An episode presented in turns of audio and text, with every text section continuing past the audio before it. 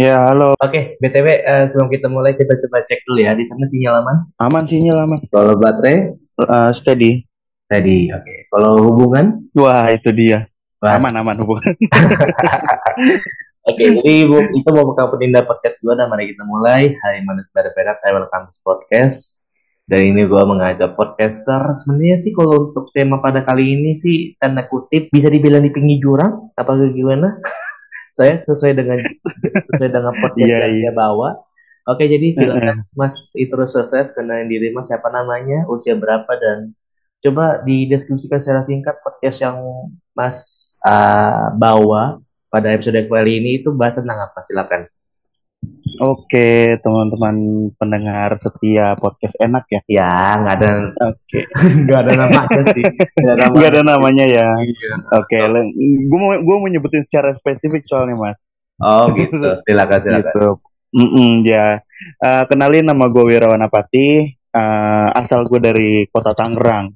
Jadi antara kota Bekasi sama kota Tangerang tuh kurang lebih di, eh, dibatasi 30 km lebih lah. Terus eh, genre podcast yang gue jalanin saat ini eh, sebenarnya ada tiga. Cuma untuk eh, saat ini gue mungkin ada di posisi podcast aktivis gitu. Yang di mana podcastnya itu sebenarnya lebih kritik sosial, terus improvisasi sama komedi komedi jurang mungkin ya. Karena teman-teman gue juga bilang terlalu nekat ketika memang gue juga ngebahas sama partner gue untuk podcast aktivis yang hampir celaka sebenarnya.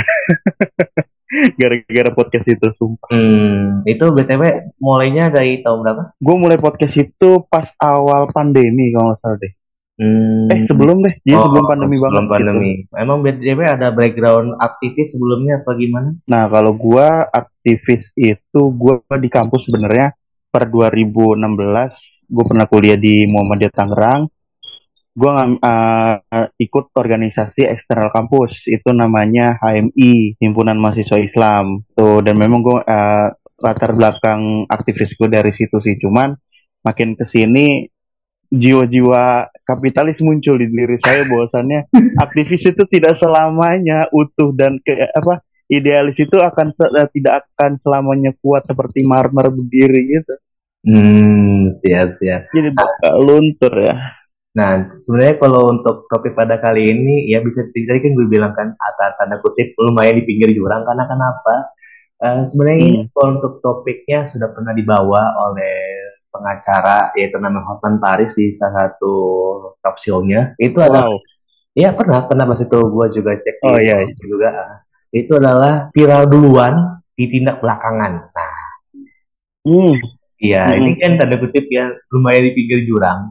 Soalnya kalau saya menarik nih. tanda kutip di pinggir jurang saya sebelumnya pernah ngajak kolaborasi juga dengan podcaster yang membahas tentang Piala Dunia U20 kemarin dengan satu podcaster juga tentang bola. Nah untuk yang Hmm. topik pada kali ini ya seperti kita tahu lah ya bahwa banyak kejadian yang harus viral duluan. Ya sebenarnya sih kalau untuk kejadian-kejadian yang sudah dilaporkan oleh pihak kepolisian kan sudah banyak nih. Tapi ya entah kenapa netizen-netizen kayak tanda kutip kurang lengkap aja gitu. Biar diusut lebih cepat gitu. Ya dalam kasusnya itu biar viral duluan gitu. Kalau saya untuk contoh-contohnya kasus paling highlightnya atau terbarunya sih gue masih belum bisa menemukan secara spesifik. Jadi kalau saya untuk kasusnya ini ada gue cari di artikel namanya di kompas.com. Ini nama Mhm. judulnya itu adalah fenomena no viral no justice. Ini empat kasus yang baru ditanganin polisi setelah viral di medsos. Oh. Ini pun Iya betul betul. betul. beritanya pun di tahun 2021 bulan Desember. Dan empat kasusnya itu adalah pelecehan seksual pegawai KPI. Ya kita tahu lah ya KPI Iya betul. uh, telah menerima tindakan perundungan, perbudakan yang dengan pelecehan seksual. Jadi Iya. setidaknya korbannya itu sudah lapor ke pihak kepolisian, tapi mungkin lamban kali ya, lamban ditindak. Baru setelah viral dan dia speak up untuk kejadian itu kayak gimana dan akhirnya ditindak gitu. Nah itu yang pertama. Terus yang kedua, pemerkosaan tiga anak di Luwu Utara. Ini itu pun uh, viralnya pas awal Oktober tahun 2021. Terus yang ketiga ini kasus bunuh diri. Terus yang keempat Polsek Polo Gadung.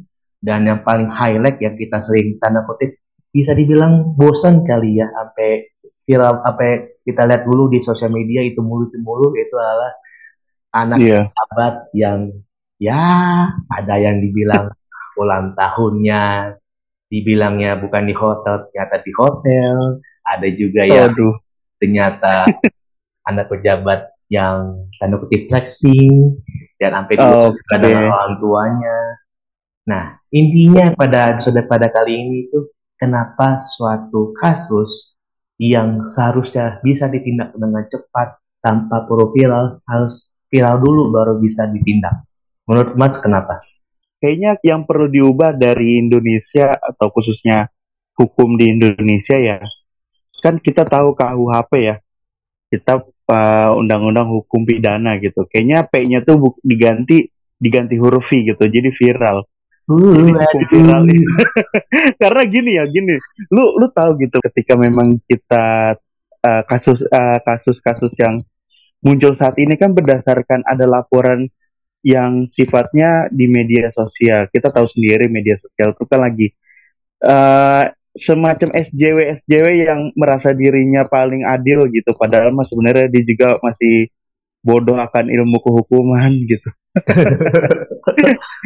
Jadi kita kadang berpikir tapi nggak ada salahnya juga ketika memang kita mengkritik sesuatu ya kita harus menggunakan media sosial itu sendiri secara nggak langsung. Cuman gini ya, dari beberapa kasus yang lu sebutin mas, gua uh, tarik kasus di podcast gua dulu nih. Kita saling sharing ya sama-sama podcast kita. boleh silakan. Gue bikin konten uh, temen gua atau partner gue di podcast aktivis. Jadi podcast gua kan multi host.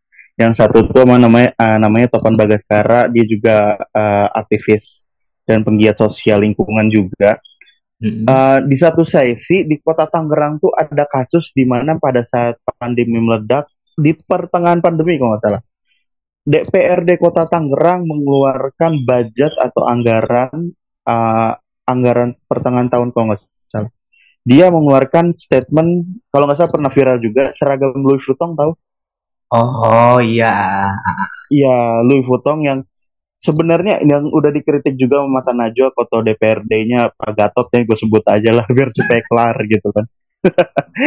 nah, beliau tidak bisa menyampaikan itu padahal di tengah yang kita tahu uh, krisis uh, dunia dan juga khususnya Indonesia gitu kan pandemi kenapa harus ngomongin seragam untuk 45 orang yang duduk di DPRD dan gua kritik itu bersama teman gua dan gua bikin tapping nih gua harus tapping itu tentang ini tiga hari setelah tapping itu udah terbit Hmm? gua diteror gua diteror gua diteror tau gua diteror Hmm. telepon random suruh iya suruh take down konten. Terus temen gua eh, pas lagi pulang dari kegiatan komunitas sosialnya diserempet yang memang serempet yang teman gua tahu itu mobil dinas. Maksudnya plat merah tapi nggak bisa diapa loh orang nyerempet gitulah di di, di jalan Ahmad Yani Kota Tangerang. Nggak salah. Jadi memang uh, setelah tiga hari itu gue ditelepon random dan yang gue nggak tahu namanya siapa, tapi gue suruh take down channel atau salah satu episode gue itu yang membahas Louis Vuitton. Terus juga temen gue yang diserempet ini gue berpikir gini, berarti podcast yang memang gue bikin sebegitu abal-abalnya didengar juga sama mereka gitu. Oh. Nah, dari situ gue udah berpikir, "Oh, berarti suara gue didengar. Artinya, gue berpikir secara luasnya atau harfiahnya, media sosial tuh menjadi tren saat ini deh kayaknya. Ketika memang kita berbicara viral-viralan, kayaknya uh, hukum kita tuh, uh, kegiatan hukum kita tuh lagi sakit gitu. Kenapa harus nunggu viral dulu? Kalau seandainya memang juga itu udah dilaporkan, kayak misalnya ada beberapa laporan yang baru-baru ini nih gue buka. Dia di KDRT oleh suaminya, Mm-mm. si istri. Tapi di Depok nih, Depok nih kota teraneh ya. Oh, aduh. Iya, saya juga kebetulan ini sorry, sorry gue potong, sorry gue potong. Jadi gue ada dua iya iya. podcast. Jadi yang satu yang podcast Rantau, yang sekarang ini dia podcast. Jadi yang di podcast Rantau ini saya juga pernah ngajak kolaborasi dengan tanda kutip anak daerah Depok. Dan emang dia mengakui Iya. bahwa Depok itu aneh. ya makanya kan berarti omongan gue nggak salah dong. Iya. Ketika memang Depok di justifikasi Dep. Nah akhirnya gue di situ melihat kok ini jadi istrinya yang salah dijadikan tersangka ketika memang istrinya dianiaya suaminya udah ada bukti ronsen uh, bukti bukti bukti yang mendukung dia dianiaya gitu malah Hmm. dijadiin tersangka kan maksudnya udah terbalik gitu. Nah, it, um, masalah balik lagi gitu, masalah viral. Viral-viral ini kan sebenarnya kayak hukum yang membabi buta, tidak mentolerir dulu gitu. Enggak melihat siapa yang benar, siapa yang salah. Ketika memang yang viral, malah main angkut aja nih si penegak hukumnya. Tidak, hmm. tidak apa namanya, tidak uh, apa namanya, secara subjektif gitu. Kadang kan ketika memang udah viral harusnya secara olah lah, misalnya kasus pembunuhan viral dan itu di TKP dulu lah, diolah TKP kayak gitu-gitu sih sebenarnya. Jadi pada intinya apa ya? Kalau untuk tanda kutipnya biar urusannya selesai, orang-orang atau di Indonesia itu biar lebih lega, biar viral dulu gitu kali ya. Apa gimana? Iya. Sebenarnya sih kalau kata gua, respon penegak hukumnya yang lambat hmm. kalau menurut gua. Kalau seandainya mereka juga merasa punya tim cyber sendiri, pasti ada dong namanya kayak gitu kan divisi-divisi yang meneng- hmm. menangani hal itu. Harusnya hmm. bisa tuh.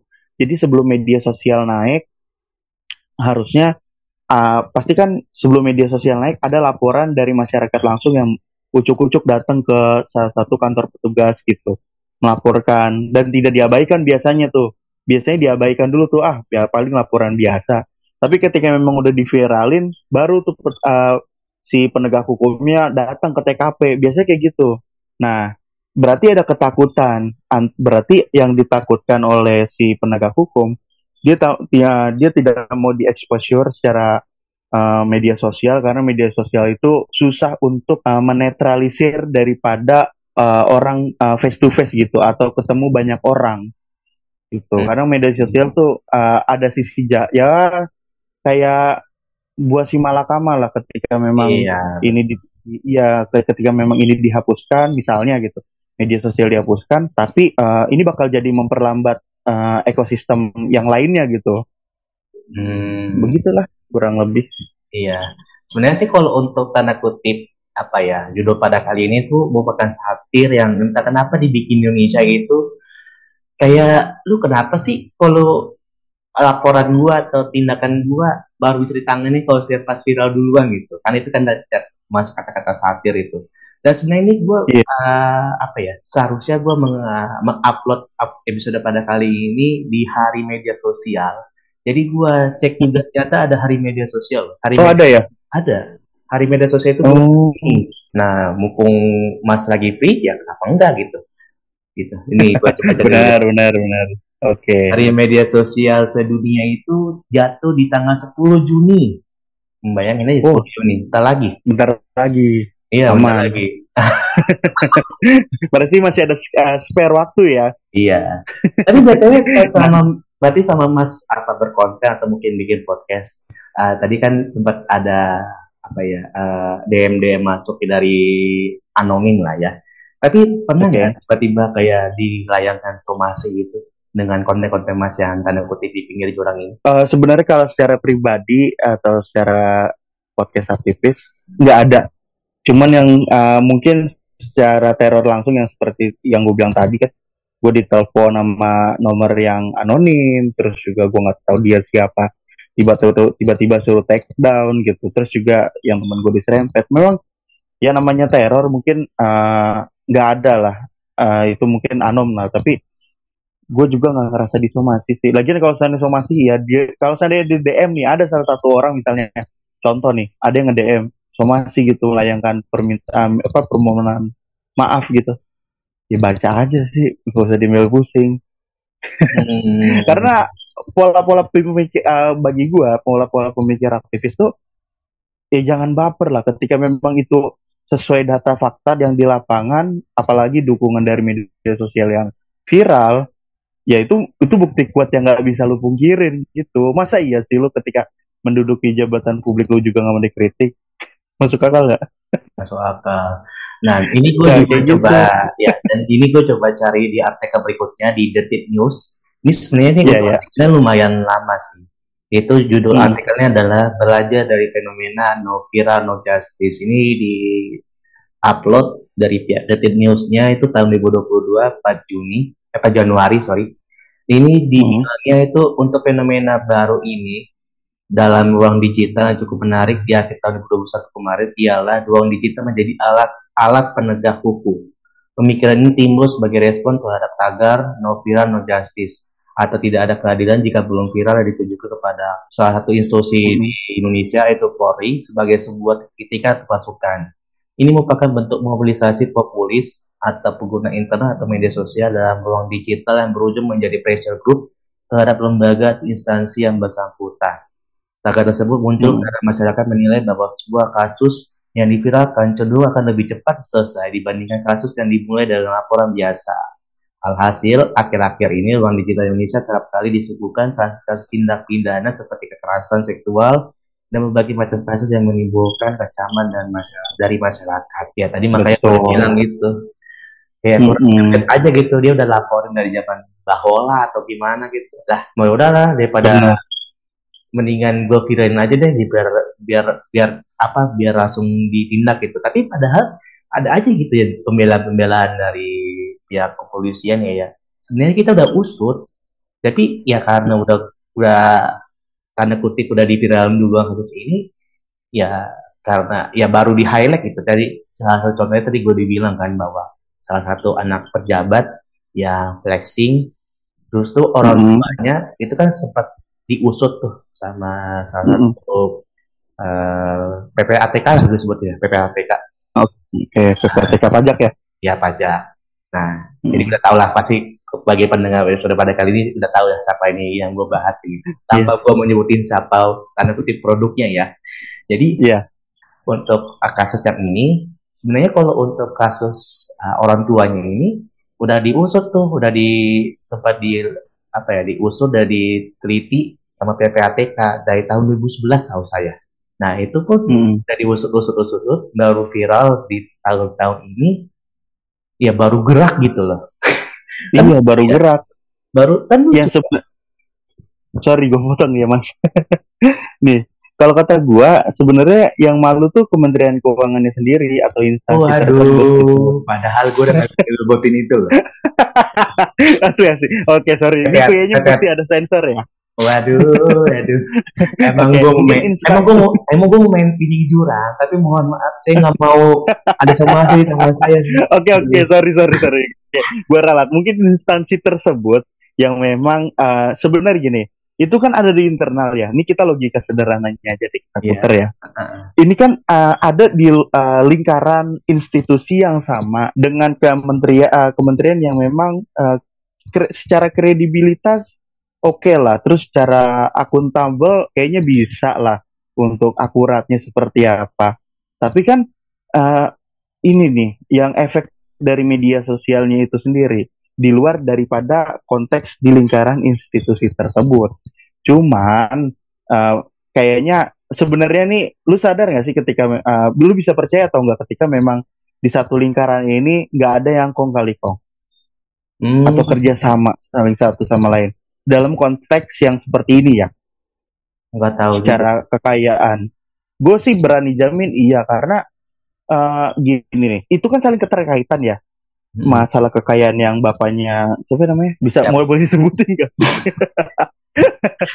Oke lah sih, yang si anak flex, ini anaknya kan flexing, tapi kan ya. kan yang punya kekayaan bapaknya, nyaman ya. nih.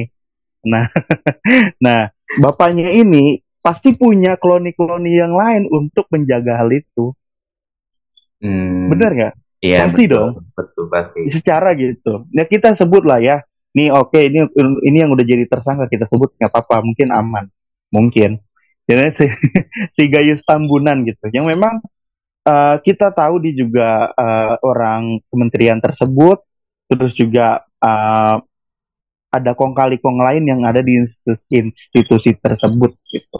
Nah berarti ada nggak dia dia nggak sendirian gitu dan kenapa baru kelihatan ya karena itu tadi pengaruh media sosial terus juga emang anaknya aja yang goblok maksud gue ngapain harus flexing gitu nggak masalah gini loh anaknya tuh goblok banget ketika memang dia juga pinter yang ditonjok atau yang diinjek kan sebenarnya anak ormas ormas yang ormas Islam terbesar nomor satu hmm. maksudnya gitu nah itu uh, salah satu berawal dari kebodohan akhirnya merembet ke semuanya gitu. Nah, media sosial atau uh, viral-viral ini, ya gue sih mungkin secara yuridis nggak bisa secara tepat untuk menyebutkan ya. Cuman kalau bahasa aktivis di parlemen jalanan, sebutnya bilang gamblang aja ketika memang ada uh, sebelum viral harusnya udah terbukti duluan gitu. Karena kan media sosial adalah cuma pengantar aja. Ketika memang ada manusia yang di depan mata melihat ya itu yang langsung disampaikan gitu. Iya betul. Ya pada dasarnya seperti pada itu. dasarnya gitu. Ya jadi kayak perantara aja. Tapi mohon maaf nih kan Mas sudah tahu juga kan bahwa netizen netizen Indonesia itu merupakan netizen yang tanda kutip kurang sopan dianggap di dunia. iya di Twitter sih. iya, apalagi yang sekarang iya apalagi yang sekarang lagi viral dan kutip kan ini tuh kita udah selesai ya penyelenggaraan SEA Games ya, SEA Games di Kamboja oh, ya. iya. Nah, hmm. kan ada juga tuh sebab viral bahwa di Indonesia pas opening itu ke Bali. Hmm. Iya, dan itu pun banyak banget gitu baik di TikTok mungkin di Twitter mungkin di Instagram bikin ada hmm. uh, apa ya uh, uh, avatar itu ke hmm. media Kamboja dibalik gitu jadi seakan-akan iya. orang-orang nih atau mungkin jadi jadi Indonesia itu menganggap wih ternyata Polandia masuk nih di SEA Games wih keren ya gitu loh karena kutip itu uh, uh. sarkas kali ya nah ini mungkin sama iya kalau untuk apa ya makanya tadi gue sebut sebutin sih mungkin ke ada ada pengaruhnya nggak sih ada pengaruhnya sih dengan yang tadi gue sebutin bahwa netizen itu netizen di Indonesia ya spesifiknya itu itu merupakan hmm. netizen yang kurang sopan di seluruh dunia. Itu berpengaruh berpengaruh nggak sih dengan suatu kasus yang tadi saya pada topik pada kali ini itu viral duluan baru ditindak belakangan? Ada pengaruh? Sebenarnya ber sebenarnya berpengaruh sih. Karena gini ya uh, lucunya nah ini nih kita ngebahas netizen Indonesia sendiri ya. Indonesia tuh lucu gitu. Ketika memang Mas juga tahu ketika di Instagram ada yang FYP FYP gitu kan di uh, Reels atau di short gitu atau di TikTok lah. Yang memang bahasa bahasa seperti bahasa Thailand, Kamboja sama yang mirip-mirip seperti ya sorry melengkung-melengkung kayak gitu tuh lucu tau gak sih? Hmm. Berawal dari situ, ber, berawal yang uh, dimulai dari uh, mereka yang membuat konten uh, di Thailand atau Kamboja yang bahasanya seperti itu, yang asing menurut kuping Indonesia malah jadi bahan tertawaan di media sosial Indonesia. Akhirnya dikomen dengan banyak hujatan gitu kan. Iya. Nah, uh, mungkin dari situ juga, ini gue point point of view gue ya, mungkin dari situ juga gitu. Akhirnya ya yes, mungkin pasti merespon warga-warga Kamboja atau Thailand juga merespon, ini hebat ya warga Indonesia ya ini apa apa nih maksudnya maksudnya sih secara bahasa tongkrongan kita gitu ini siapa yeah. nih orang nih pak udah udah udah udah, udah kasar dah tuh. Mungkin tapi kasarnya mereka kan kadang lucu gitu di kuping kita. Hmm. nah udah kayak gitu-gitu tuh. Yang pasti uh, gua kalau yang gua rasa mungkin itu mistake sih sebenarnya. Itu lebih kesalahan teknis aja ketika memang bendera terbalik. Tapi nggak masuk logika gue kenapa? Kayak kemarin tuh kita di Malaysia juga bendera terbalik ya? Iya ada, ada di cabang, buku ada di bukunya pokoknya lah gitu buku. Iya intinya di salah satu cabang olahraga di Malaysia kita bendera kita itu terbalik. Dan uh, kejadian kembali di ya ini tadi di Kamboja gitu yang belum lama sih game kan. Artinya ada dua kali berarti ya kita bisa berpikir dua negara ini tuh ada apa nih dengan Indonesia? Apa kita Uh, kalau Malaysia kita udah tahu lah karena kan dia juga negara yang suka ngentit ya. Maksudnya ngentit itu dalam arti batik diakuin terus keris diakuin apalagi gitu kan banyak gitu ngentitnya. Ya, wajar lah Malaysia gitu tapi kan ketika memang berbicara Kamboja kita juga nggak tahu masalahnya apa apa mungkin di sana banyak judi online gitu nggak tahu uh, waduh katanya kan indikasinya nih katanya yang ini kan kata kata-kata viral FYP di Instagram nah, judi online tuh banyak ditonton gitu. Ya nggak tahu ya, udah kalau yeah. bisa cari sendiri aja teman-teman. iya. gitu. Ya makanya ini mumpung karena ada hari media sosial itu yang dijatuhkan 10 Jan 10 Juni ada kali satu dua ya sekitar dua minggu lagi lah dua, dua minggu dua mingguan dua minggu lagi jadi mm -hmm Bu, kalau saya menurut Mas, ini mungkin satu salah satu berkaitan juga ya dengan yang tadi pada topik pada kali ini viral duluan baru ditindak. Hmm. Kalau menurut Mas sendiri perlu nggak sih kalau misalnya ada suatu tindakan itu diviralin duluan gitu. Dalam artian kayak maaf nih sebelumnya. Ini kita pindah negara dulu nih.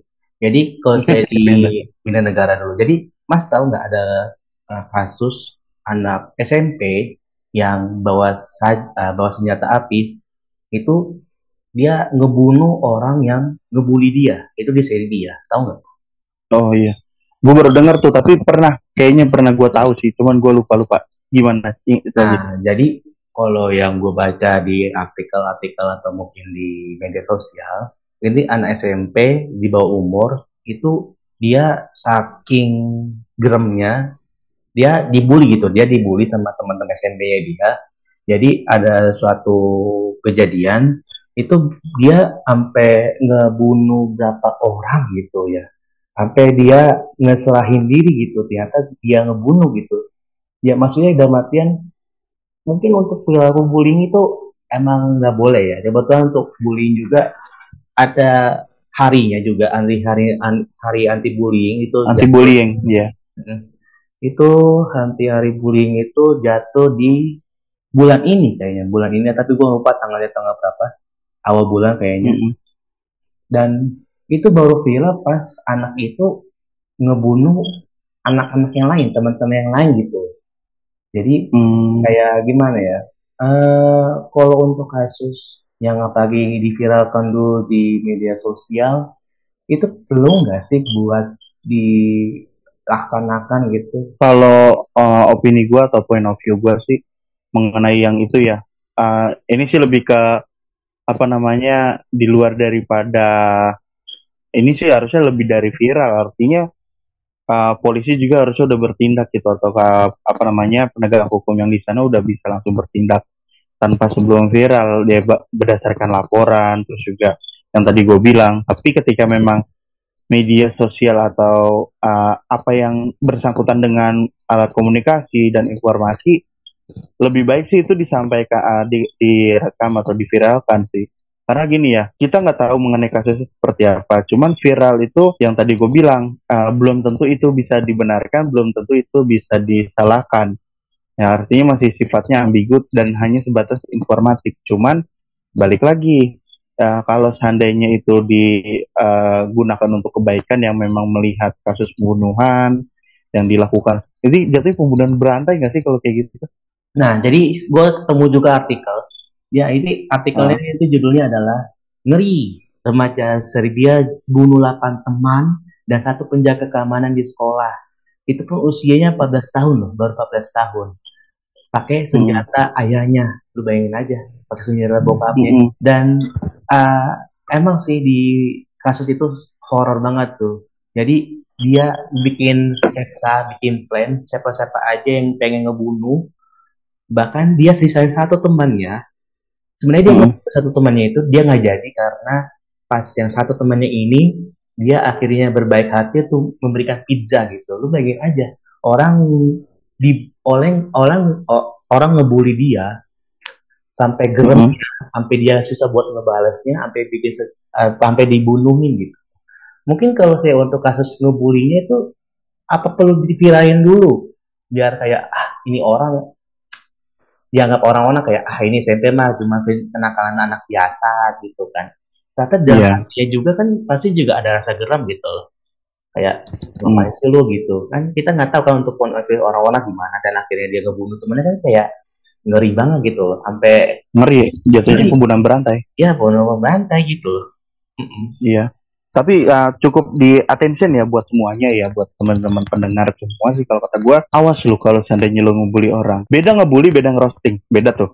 Mm-hmm. kalau ngerosting mungkin uh, kita udah confirm ke salah satu pihak. Bahkan tanpa confirm kita bisa roasting tapi nggak nggak secara bertubi-tubi gitu. Beda. Kalau seandainya bully menurut gua adalah uh, suatu hal yang uh, mengejek atau menghina salah satu personal ataupun uh, nggak nggak kelompok lebih ke personal itu secara masif gitu secara terus menerus gitu akhirnya timbullah seperti ini akhirnya uh, mungkin kita nggak tahu kehidupan di rumahnya si ini poin bulinya dulu ya yang gue mau angkat.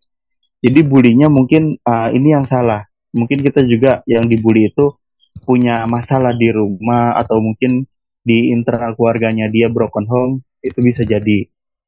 Uh, dan kedua yang ngebully ini uh, mungkin juga udah sifatnya udah mentok nih. Ya, nah, gue percaya batas tuh ada uh, sabar tuh ada batasnya. Gue percaya banget. Dan itu kadang sama orang-orang yang suka ngebully dianggapnya baperan lah atau uh, apa namanya ya nggak bisa diajak bercanda bukan bercanda konteksnya ketika memang salah satu individu itu moodnya udah nggak bagus atau lagi di titik terendahnya dia di mana dia juga nggak bisa dihargain orang tapi juga dibully ya akhirnya muncul seperti itu tuh. Hmm. dan gue kalau masalah bully perbulian gue pernah orang yang di posisi seperti itu. Tapi gue punya recovery artinya gue punya uh, apa namanya yang bisa nyelamatin psikis gue tuh adalah ya ya mungkin orang tua uh, alhamdulillahnya mungkin rumah tangga gue atau keluarga gue bukan rumah tangga gue masa gue udah SD misalnya gue dibully SD gue udah kawin maksudnya mah bapak gue gitu hmm. artinya ada ada ada recovery-nya. Nah mungkin dia uh, si pelaku ini nggak ada recovery akhirnya muncul ada dendam. Ya itu tadi di, di, dicatat sama dia di, dari satu sampai sekian siapa aja yang yang bikin dia sakit hati atau yang ngebully dia. Masuk akal. Nah masalah viralnya uh, tergantung siapa yang ngelihat nih gitu. Ketika memang itu juga nggak viral pasti bisa diredam aja cuman maksud gua kalau udah bullying sih udah udah ultimate banget sih untuk iya. di win Mm-hmm. Udah parah banget itu. Iya, dan gue gue baru searching ternyata hari anti bullying sedunia itu jatuh tanggal 4 Mei dan kejadian itu yang gue tadi ceritanya itu tanggal 3 Mei. Wow. Oh, waduh. hey, itu satu hari sebelum harinya ya. Iya, makanya itu kayak tragis banget gitu loh. Nah, untuk kas yeah. untuk menutup episode pada kali ini, coba Mas kasih kesan op, atau mungkin lebih ke opini kali ya. Opini Mas mengenai topik pada kali ini tuh kayak gimana sih menurut podcast aktivis? Nah, kita yang tanda kutip aktivis banget nih. Nah, gitu. Hmm. Sampai title sendiri bikin bikin nama podcast itu aktivis. Nah, itu silakan. Iya. Paling sih point of view gue masalah viral memviral ini atau viral dulu baru uh, tindakan dilakukan sebenarnya bisa diubah ketika memang uh, apa namanya ketika memang ada satu case atau problem itu bisa langsung dilaporkan dan penegak hukumnya juga uh, kooperatif tanpa pandang bulu gitu. Artinya bisa ditindaklanjuti secara cepat sebelum diviralkan gitu. Kadang kan ada uh, yang gue bilang ya gue bilang tadi baru uh, di awal gitu uh, ketika memang udah ada laporan tapi laporan ditolak tapi udah viral nih baru laporannya diambil lagi di diproses gitu nah itu dia yang salah harusnya nggak perlu takut ketika memang berbicara viral karena viral itu kan sebenarnya uh, banyak atensi yang dilihat oleh netizen yang ada di media sosial. Kalau berbicara aktivis di media sosial, kayaknya banyak deh. Tapi kalau bisa lebih kooperatif juga untuk teman-teman uh, aktivis yang bergerak di media sosial, karena aktivis tuh nggak di lapangan aja. Kalau makin ke sini tuh gua yang, gue lihat aktivis kampus tuh nggak nggak selalu demo gitu. Atau aktivis buruh nggak selalu demo aja. Tapi media sosial juga mempunyai peran yang besar di di kehidupan sekarang. Makanya uh, gue bisa simpulkan aktivis itu semua lini ada. Dari media sosial lapangan pendidikan bahkan sampai ke tingkat uh, ke agama-agama itu ada aktivisnya aktivis agama yang menurut mereka kepercaya kepercayaan mereka masing-masing yang di Monas yang terus yang di mana-mana banyak kayak gitu jadi hmm. intinya tetap semangat untuk uh, semuanya. Kalau bisa ini evaluasi buat semuanya juga ma, untuk penegak hukum dan juga orang yang merasa SJW di media sosial lebih kooperatif dan juga lebih banyak searching data gitu ketika kita mau uh, memviralkan suatu konflik atau suatu opini gitu. Itu aja sih. Iya, bahkan yang tadi sempat saya bilang dengan mengenai kasus anak yang flexing itu loh Padahal mm -hmm. kita selidiki ya, padahal kasusnya di anak gitu ya. Tadi Mas bilang bego gitu. Padahal kan untuk kasus dianya doang gitu. Yeah.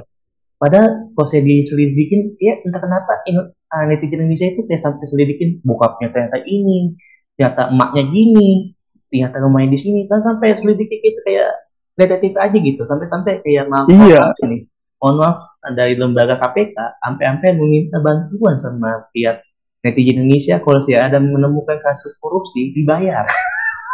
Ya berarti kan ber tandanya mereka lembaga institusi negara itu nggak bisa nggak mampu dong untuk um, menyortir semuanya atau menjaring semuanya kan. oh, gitu lah tapi aduh. kayaknya kayaknya KPK juga emang KPK masih dipercaya sama masyarakat kan enggak kan? Uh, waduh, ini closing statement yang sangat tinggi jurang. Oke, Oh. Mas Wira Iya. atas waktunya. Makasih, makasih Mas Wana ini enak banget ini konten podcast enak ini. Dan BTW ini kita topiknya pada kini menjurus ke semuanya ya. Bahas tentang bullying, bahas tentang media sosial, bahas tentang ini itu ini itu. Makanya Ya, kan karena kan konteks konteks viral itu general ya, tapi Ya. kita bahas sampai sub subsnya gitu. Oke, berikut mau episode pada kali ini sampai jumpa di episode berikutnya. Sampai jumpa.